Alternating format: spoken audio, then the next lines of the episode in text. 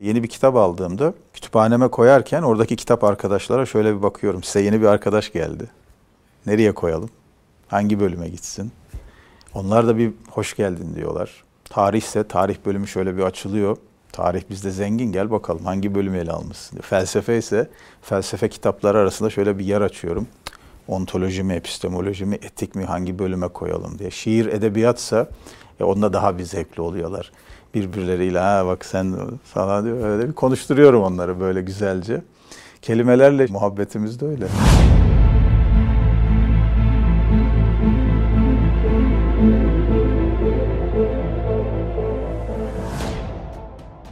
Hocam hoş geldiniz. Hoş bulduk. Bu bölüm size şunu sormak istiyorum. Yani niyet diye bir gerçek var. Müminin niyeti amelinden üstündür. Niyetler amellere göredir. Niyet hayır, akıbet hayır. Neye niyet, neye kısmet. Hep dilimizde dolanır da dilimize pek düşmez. Ne diyeceksiniz niyet için? Şimdi e, bu tabirlerin e, en güzellerinden bir tanesi neye niyet, neye kısmet. Bazen tersinden anlıyoruz onu. Hani biz bir şeye niyet ettik ya karşımıza bu çıktı, olmadı Allah Allah, plan tutmadı gibi düşünüyoruz da halbuki tam tersi. Bu ifade diyor ki neye niyet edersen kısmetini o belirler. Kısmetini belirleyen baştaki niyetindir. Niyetin oranında sana kısm ediliyor. Yani taksim ediliyor ve veriliyor. Dolayısıyla kısmet niyetten bağımsız değil. Kısmet olarak önüne çıkan şey niyetinde belirleniyor. O yüzden bunu hem bir dua hem bir düstur olarak da niyet hayır, akıbet hayır demişler. Yani niyetin hayır olsun, iyi güzel olsun ki akıbeti, sonu, neticesi güzel olsun. Akıbet de akabe biliyorsun. Bir sonraki gelen şey demek. Ondan sonra gelen şey de güzel olsun. O da senin kısmetin oluyor. İnsanın nasibi de böyle şekilleniyor. Herkes nasibine düşeni alıyor. Nasibinde ne varsa onu alıyor. Ama nasibini belirleyen de senin baştaki niyetin, düşüncen, zikrin, kalbindeki fikir, kafandaki düşünce. Bizim modern dönemde maruz kaldığımız sıkıntılardan bir tanesi de e, hasbi düşünmeyi unuttuk. Hesabi düşünmeye başladık. Hesap kitap yapıyoruz her konuda. Plan program yapmakla hesabi düşünmek farklı şeyler bir işi yaparken, bir kurum inşa ederken, bir görevi ifa ederken elbette plan program yaparız. Şuraya gideceğiz, bunu yapacağız, şu görüşmeyi yapacağız vesaire. Bu eşyanın tabiatı gereği olması gereken bir şey. Hesabi düşünmek ise buradan ne çıkar elde ederim? Buranın sonucu bana nasıl bir fayda sağlar? Bunu nasıl kullanırım? Bunu nasıl araçsallaştırırım düşüncesidir. Bu hesabi düşüncedir.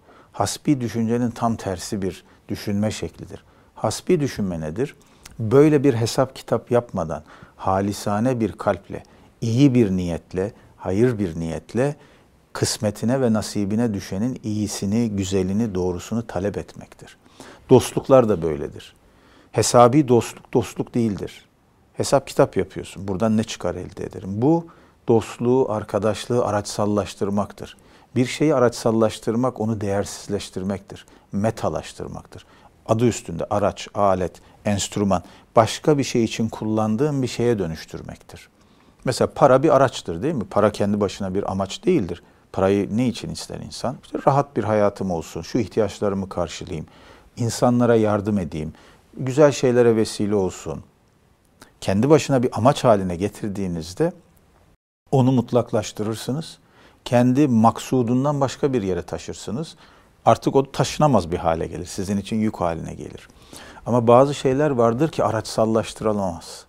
Sevgi gibi, dostluk gibi, inanç gibi, bağ gibi, irtibat gibi. Mesela bir insanın annesini sevmesi, kardeşini sevmesi, eşini sevmesi, bir inandığı davayı sahiplenmesi araçsallaştırılabilecek şeyler değildir. Bunlar kendi zatında kıymetli, değerli şeylerdir. Buralarda hesabi düşünce olmaz.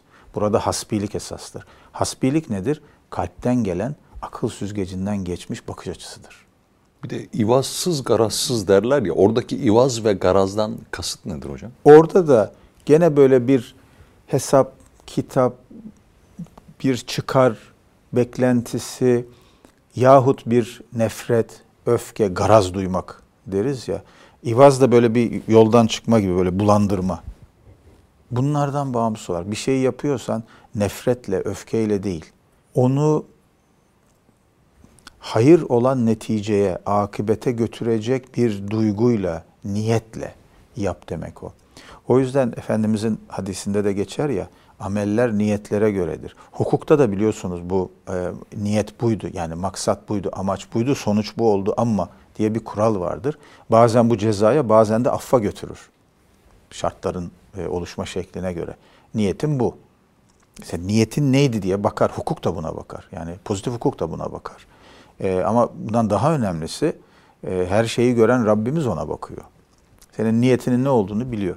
Hangi niyetle camiye gidiyorsun? Hangi niyetle hayır işinde bulunuyorsun? Hangi niyetle şu işi yapıyorsun? Kibir için mi, gurur için mi, gizli gizli nefsini okşamak için mi? Gösteriş için mi? Çıkar için mi? Hesap kitap için mi? Yoksa bütün bunlardan mağda, bağımsız, bunlardan tamamen arındırılmış bir şekilde, ivazsız, garazsız, ya bu zatında doğru bir şey deyip onun için mi yapıyorsun? Bunu yaptığın zaman o kendi nimetiyle, bereketiyle, ihsanıyla gelir zaten. Ardından gelir. Onlar birer nimettir, ihsandır. Onlar için yapmazsın ama onlar yanında gelen güzel nimetlerdir, ihsandır. İnsan e, ancak hasbi düşündüğü ve eylemde bulunduğu oranda gerçek sahici ilişkiler kurabilir. O zaman dostluklar, ilişkiler, arkadaşlıklar anlamlı bir zemine oturur. Her şeyin araçsallaştırıldığı bir çağda bizim bu değerleri mutlaka korumamız gerekiyor. Bir şeye payan da yapmak, alet etmek değil. Tam tersine onu, o bağı, o sevgiyi, o irtibatı, o dostluğu, bunların dışında koruyup kollamak e, o kadar önemli ki bizim modern dönemde hep modern dönem diyorum ama e, gerçekten e, yaşadığımız bu çağ içerisinde e, en fazla korumamız gereken değerlerden birisi bu diye düşünüyorum. Geçen hocam bir programın koordinesi için uğraşıyoruz. 5-6 kişi farklı noktalara gidecek. Arkadaş o insanlardan birinin ismini zikrederek dedi ki bunu şurada kullanmayı düşünüyorum. Dedim ki onu orada kullanma. Onu oraya gönder. Ya da mesela suyu tüketiyoruz, ekmeği. Rahmetli Fethi abi diyordu ki abı leziz, nanı aziz. Şimdi böyleyken bunlar da tüketilen bir şey hale geldi. İlişki tüketiliyor, ekmek tüketiliyor, insan kullanılıyor. Konuşmalarımızla da bunlar irtibatlı galiba. Buradan nasıl çıkacağız? Yeniden onları nasıl olması gereken yere koyacağız? İşte e, dilin insanın düşünce dünyasını beslediği, zenginleştirdiği yerlerden birisi de bu. Ben hep şunu söylüyorum. Dilin fakirleşmesi düşünce pınarının kurumasıdır. Düşünce dünyamızdaki fakirlik dilimizde bir kuruluk, tek düzelik, yüzeysellik olarak yansıyor. Şimdi e, Türkçe gibi son derece zengin, ruhunu koruyarak kendini her zaman geliştiren, derinleştiren, büyüten, canlı kalan, hayatta kalan dinamik bir dili siz birkaç bin kelimeye indirgediğiniz zaman düşünce ufkunuzu da o kadar daraltıyorsunuz ki aslında artık düşünemez, düşündüğünüzü ifade edemez hale geliyorsunuz. Düşünen canlı insan, düşünen varlık insan tanımından o kadar uzaklaşıyorsunuz ki çünkü artık nutkunuzu, onun arkasındaki mantığı, kurguyu, aklı, tefekkürü yitirmeye başlıyorsunuz. Bu neye benziyor biliyor musunuz? Türkçe gibi mesela kendi dilimizden bahisle söylüyorum. Böylesine zengin bir dili birkaç bin kelimeye indirgemek demek, yedi notanın beşini atıp ve bütün ara sesleri bir kenara koyup iki notayla müzik yapmaya benziyor. Tuvalin bütün renklerini bir kenara koyup sadece iki renkle resim yapmaya benziyor. Bütün ara tonlar gitti, skalanın tamamı dağıldı gitti o farklı sesler, oktavlar yahut farklı renk, gölgeler, dereceleri, parlaklığı, soluk bunların hepsi kayboldu gitti. Yani işin dokusu gitti, neşesi gitti, incelikleri gitti. Bunlar gittiği zaman sadece biz kelime hazinemizden mahrum olmuyoruz. Kelime hazinesinden çok daha fazla bir şeyi kaybediyoruz. O kelimelerin taşıdığı yaşanmışlıkları, tecrübeyi, hafızayı kaybediyoruz. O yüzden de e, düşüncemiz giderek kuraklaşıyor. Düşünmüyoruz, bağırıyoruz. Konuşmuyoruz, bağırıyoruz. Bu hale geliyor. E, halbuki dili korumak, düşünceyi korumakla eş anlamlı. Bazen öyle bir daralmışlık, e, sıkışmışlık içerisinde hissediyor ki insanlar görüyorum kendilerini. Söyleyecek sözünü arıyor ama bulamıyor. Çünkü bazı kelimeleri kaybolmuş. Aynen. Bazı kelimeleri esir alınmış. Bazı kelimeleri çalınmış. Farkında bile değil. O kelimeleri yeniden bir alması lazım. Onları tekrar özgürleştirmesi lazım. Yabancı illerden, yaban ellerden alıp getirip tekrar bu vatan topraklarına ekmesi lazım ki onlar tekrar yeşersin, neşv nema bulsun. Bize tekrar nefes olsun, bize tekrar ufuk olsun. Tekrar düşüncemizi besleyen birer pınara dönüşsün. İnsanın yeryüzündeki serüveni dahi ona isimlerin öğretilmesiyle başlıyor. Cenab-ı Hak Adem'i yarattı ve ona isimleri öğretti diyor. Ondan sonra Hazreti Adem'e diyor ki onlara sana öğrettiğim isimleri say şimdi diyor. Melekler o isimleri duyduktan sonra Ya Rabbi senin bildiğin bizim bilmediğimiz şeyler var diyorlar. O esma nedir? Tabii ki tefsir ve e, tavzih konusudur. Uzun uzun konuşabiliriz.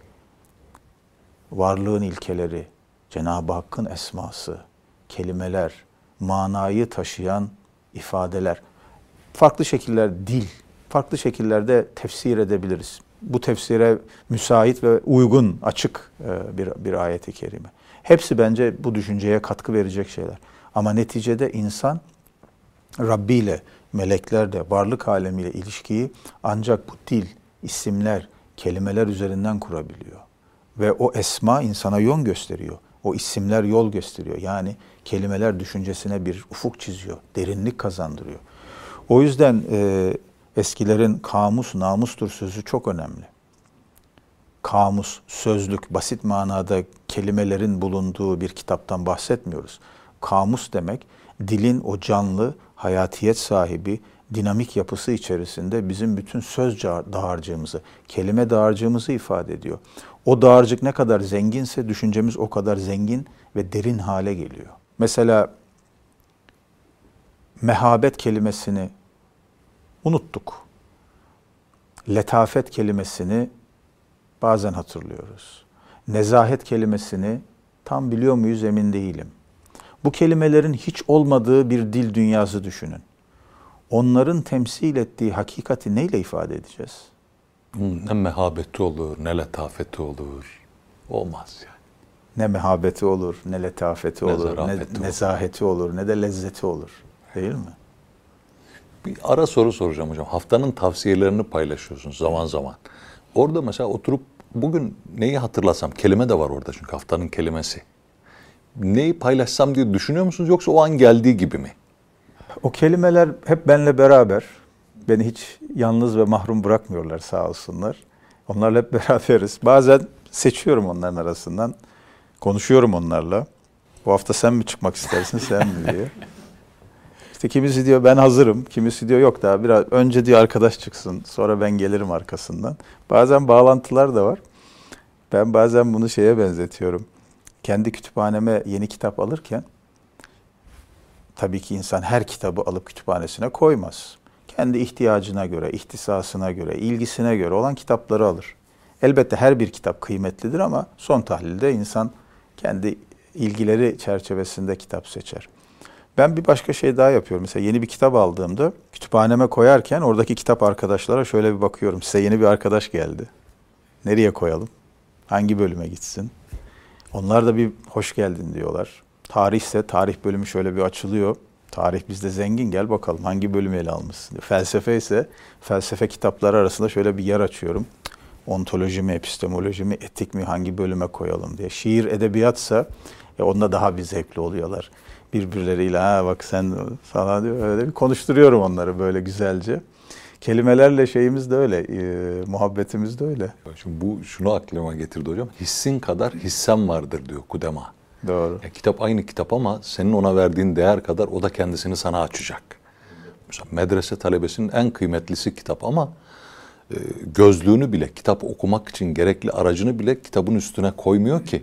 Kitap bana bütün sırrını açmaz diye endişe ediyor eşyayla irtibat. İnsan kitap okuduğu kadar kitap da insanı okur.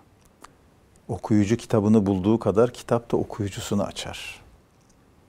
Kitap pasif bir şey değil. Her okunduğunda yeni manalar arz ediyor, sunuyor, takdim ediyor.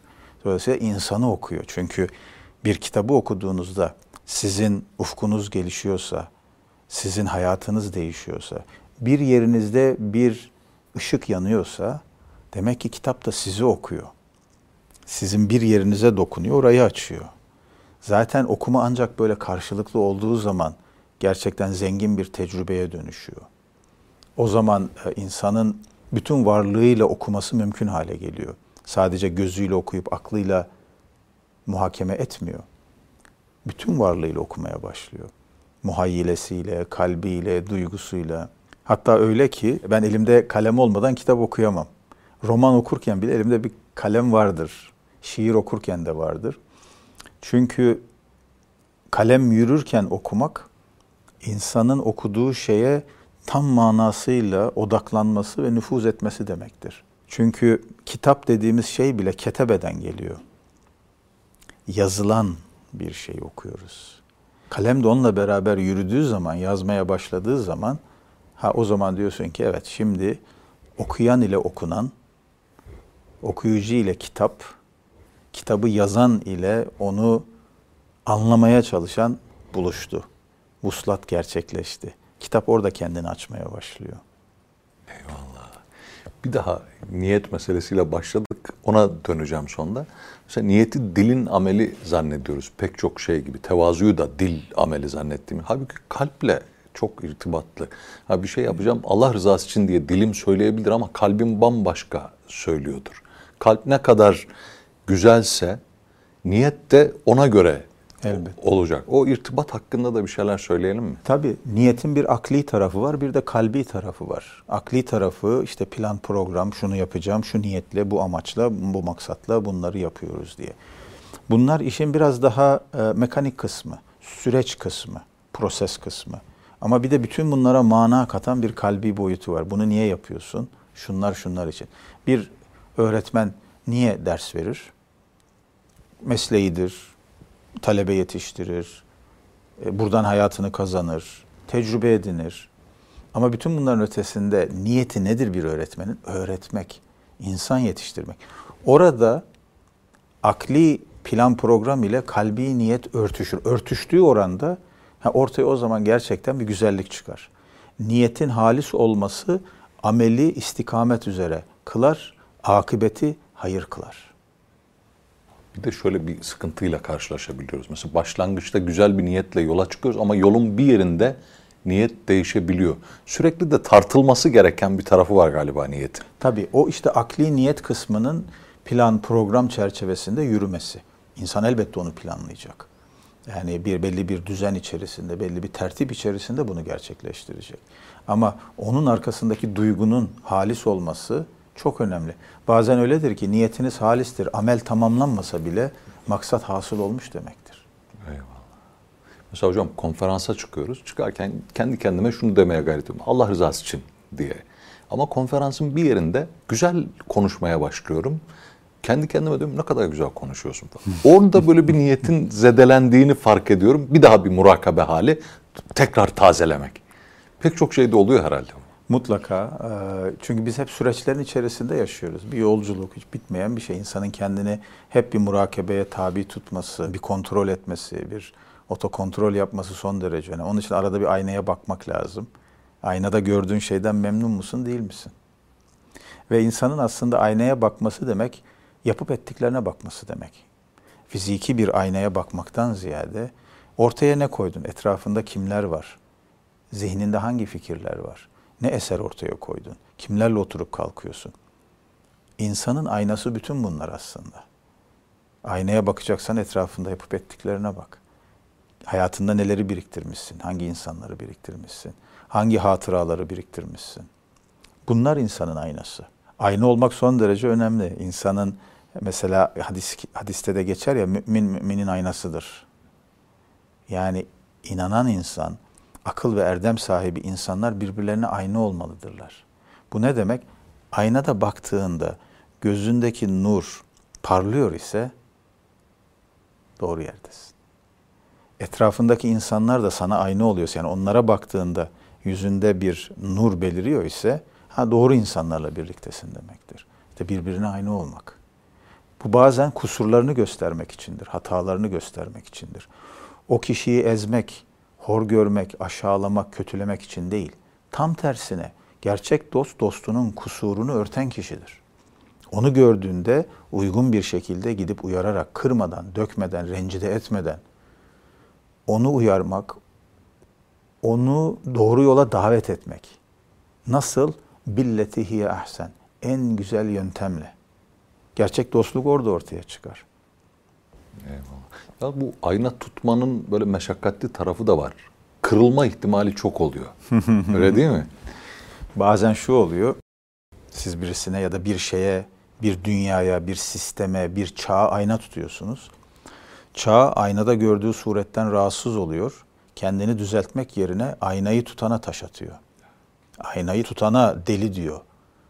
Haksız diyor. Başka isimler kullanıyor. Ee, biz bunu siyasette de çok görüyoruz. Haksızlık var burada, zulüm var, işgal var, yapmayın, etmeyin deyip bir ayna tutuyoruz. Karşı taraf aynada gördüğü hakikati, gerçeği düzeltmek yerine sana bana saldırıyor. Şimdi nereden çıktı bu? Niye ayna tutuyorsun da işimizi bozuyorsun diyor. Ama e, insan e, hem kendine hem dostuna hem dünyaya yaşadığı çağa ayna tutmaya devam etmeli.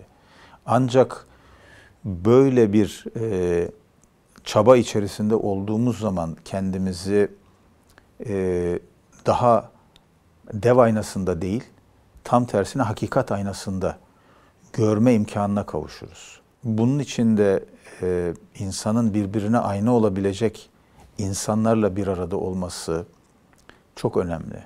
E, ve tabii ki aynadan maksat bakıp kendi kendine bakıp böbürlenmek değil. Ah ne güzelim demek değil. Her insan aynanın karşısına geçtiğinde dünyanın en güzel insanına bakıyorum der. Halbuki maksat o değil. Maksat aynada gördüğüm bu suret daha güzel nasıl olur? Kendimi daha manevi anlamda, akli anlamda, ruhi anlamda nasıl güzelleştiririm diye bakmalı insan aynaya. Kibir, gurur için değil. Yani kudama malumunuz mirat-ı musaffa tabiri kullanıyor arifler için. Uzaktan baktığınızda ceketinizin yakasını düzeltiyorsunuz ama iyice yaklaştığınızda gözünüzdeki çapağa kadar görebiliyorsunuz. O yaklaşma serüveni de biraz sancılı bir serüven herhalde. E, o da işte samimiyet, niyetle ilgili. Hangi niyetle yaklaştığınız, hangi e, hulusu kalb ile samimi bir şekilde, hasbi bir şekilde yaptığınızla ilgili. Mesela modern entelektüelin, çağdaş entelektüelin en önemli işlevlerinden birisinin de ben bu manada çağa bir ayna tutmak olduğunu düşünüyorum. Çağın ruhu diye kendini akışa kaptırmak, akıntıya kaptırmak değil, tam tersine bazen onun dışına çıkıp durun Necip Fazıl'ın dediği gibi ey kalabalıklar diye insanın bir duruş sergilemesi, bir çağrıda bulunması, haykırması anlamına da geliyor. Yani aydının en önemli fonksiyonu bu. Eğer aydın gerçekten kendi içindeki ışığı, nuru, münevver, aydınlanmayı dünyaya taşıyabilecekse bunu ancak bir ayna tutarak yapacak. Bakın durumumuz bu. Tasvi içinde bulunduğumuz hakikat bu. Bunu size tasvir ediyorum. Gelin şimdi bunu hep birlikte düzeltelim diyebilmektir aydının en önemli vasfı.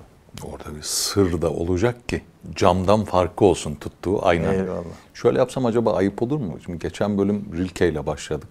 Bu bölümü bitirirken genç Serdar Tuncer'in kaleme aldığı bir aynalar şiiriyle bitirsem haddimi Buyurun. aşmış olur muyum? Estağfurullah. Şöyleydi hocam.